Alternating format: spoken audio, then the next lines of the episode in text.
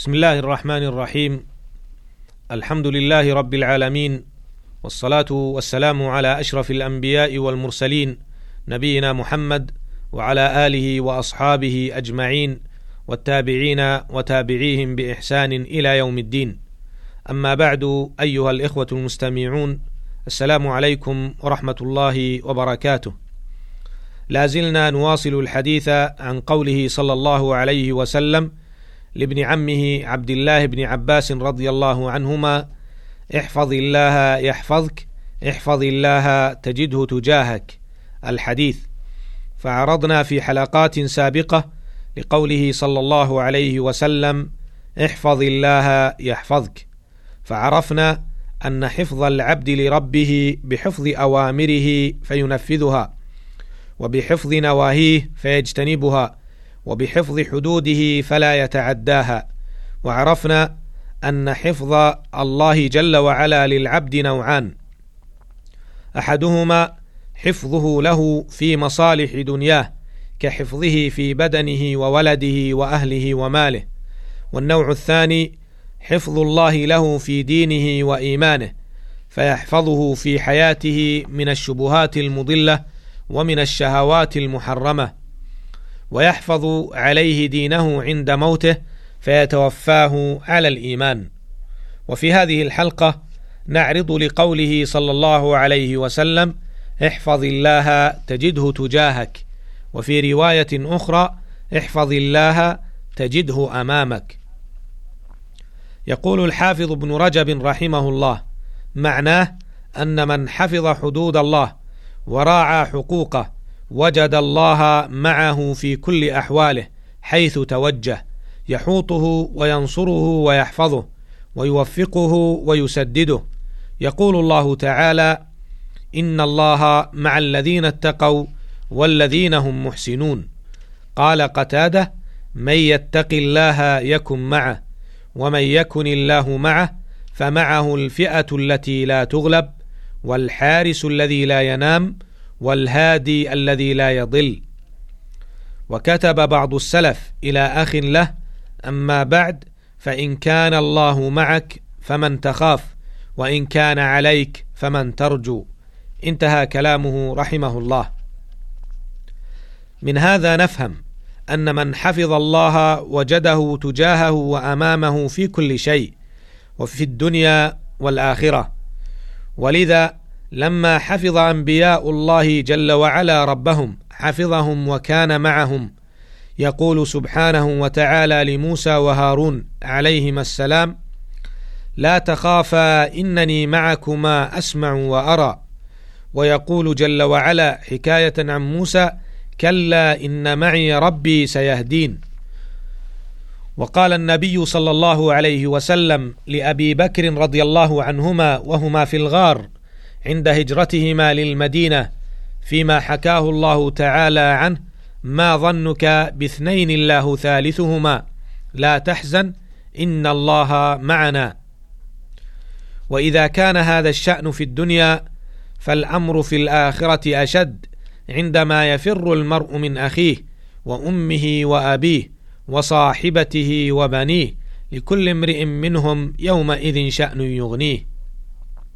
في ذلك اليوم العصيب الشديد الذي تذهل فيه كل مرضعة عما أرضعت وتضع كل ذات حمل حملها وترى الناس سكارى وما هم بسكارى ولكن عذاب الله شديد. ما أحوج الإنسان ذلك اليوم إلى حفظ الله تعالى ورعايته له لينجو من أهوال ذلك اليوم. يقول الله جل وعلا وأزلفت الجنة للمتقين غير بعيد هذا ما توعدون لكل أواب حفيظ من خشي الرحمن بالغيب وجاء بقلب منيب. ادخلوها بسلام ذلك يوم الخلود. لهم ما يشاءون فيها ولدينا مزيد. فمن حفظ الله تعالى في دنياه حفظه في آخرته فرزقه الجنة ووقاه من النار. وسارعوا إلى مغفرة من ربكم وجنة عرضها السماوات والأرض أعدت للمتقين. أيها المستمعون الكرام إن المتأمل في أحوال كثير من المسلمين يجد أنهم لم يحفظوا الله تعالى في هذه الدنيا فيعرضون أنفسهم لعدم حفظ الله لهم في الدنيا والآخرة. ففي جانب الأوامر والواجبات نجد تقصيرا بينا فكثير من الناس يتكاسل عن الصلاة أو لا يؤديها في أوقاتها أو لا يبالي بها. كثير من الناس لا يرعى حق الله تعالى في أمواله ولم يدد ولم يدقق في مصادر دخوله وخروجه. هل هي من الحلال أم من الحرام؟ بل لا يبالي في إخراج زكاته وصدقته. وهكذا. وفي جوانب التربية والأسرة نجد الكثير من تساهل بعض المسلمين في تنشئتهم لأولادهم وتربيتهم لأسرهم. فنجده تهاون في أوامر ربه ونواهيه فلا يأمرهم بأمور الخير ولا ينهاهم عن الشر وبالتالي ترتكب المنكرات وتفشو المعاصي والآثام وكأن الأمر لا يعنيه. وفي جوانب المنهيات نجد تساهلا بينا عند الكثير فالغيبة والنميمة والكذب واختلاس المال بغير حق وفعل الفاحشة أو التساهل فيها ونحو ذلك صارت أمورا هينة عند بعض الناس. هل هؤلاء وأمثالهم حفظوا الله تعالى في هذه الدنيا؟ وهل استعدوا لما, أم لما أمروا بالاستعداد له يوم لا ينفع مال ولا بنون إلا من أتى الله بقلب سليم؟ إن الأمر جد خطير ومهم فلننتبه قبل أن نقول ليت وليت ولا تنفع شيئا ليت. قوله صلى الله عليه وسلم تعرف على الله في الرخاء يعرفك في الشدة. يقول ابن رجب رحمه الله يعني أن العبد إذا اتقى الله وحفظ حدوده وراعى حقوقه في حال رخائه فقد تعرف بذلك إلى الله وصار بينه وبين ربه معرفة خاصة.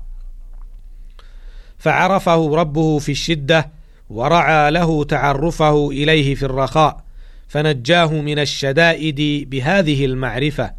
وهذه معرفة خاصة تقتضي قرب العبد من ربه ومحبته له وإجابته لدعائه.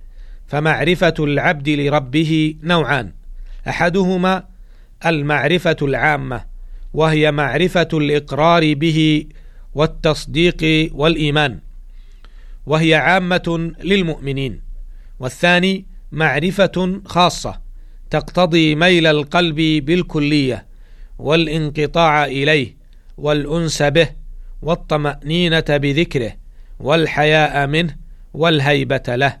انتهى كلامه رحمه الله. وقال أيضا ومعرفة الله لعبده نوعان معرفة عامة وهي علمه تعالى بعباده واطلاعه على ما أسروه وما أعلنوه كما قال سبحانه وتعالى ولقد خلقنا الإنسان ونعلم ما توسوس به نفسه. وقال جل وعلا هو أعلم بكم إذ أنشأكم من الأرض وإذ أنتم أجنة في بطون أمهاتكم. والثاني معرفة خاصة وهي تقتضي محبته لعبده وتقريبه إليه وإجابة دعائه وإن جاءه من الشدائد وهي المشار إليها بقوله صلى الله عليه وسلم فيما يحكي عن ربه ولا يزال عبدي يتقرب إلي بالنوافل حتى أحبه فإذا أحببته كنت سمعه الذي يسمع به وبصره الذي يبصر به ويده التي يبطش بها ورجله التي يمشي بها. ولئن سألني لأعطينه ولئن استعاذني لأعيذنه. وفي رواية ولئن دعاني لأجيبنه. وروى الترمذي من حديث أبي هريرة رضي الله عنه عن النبي صلى الله عليه وسلم أنه قال من سره أن يستجيب الله له عند الشدائد فليكثر الدعاء في الرخاء. فعلينا أيها الإخوة المستمعون أن نتعرف على الله تعالى في كل زمان ومكان فلا يفقدنا حيث أمرنا ولا يجدنا حيث نهانا.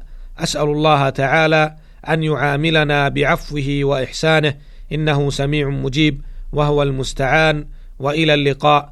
في الحلقة القادمة إن شاء الله. والسلام عليكم ورحمة الله وبركاته.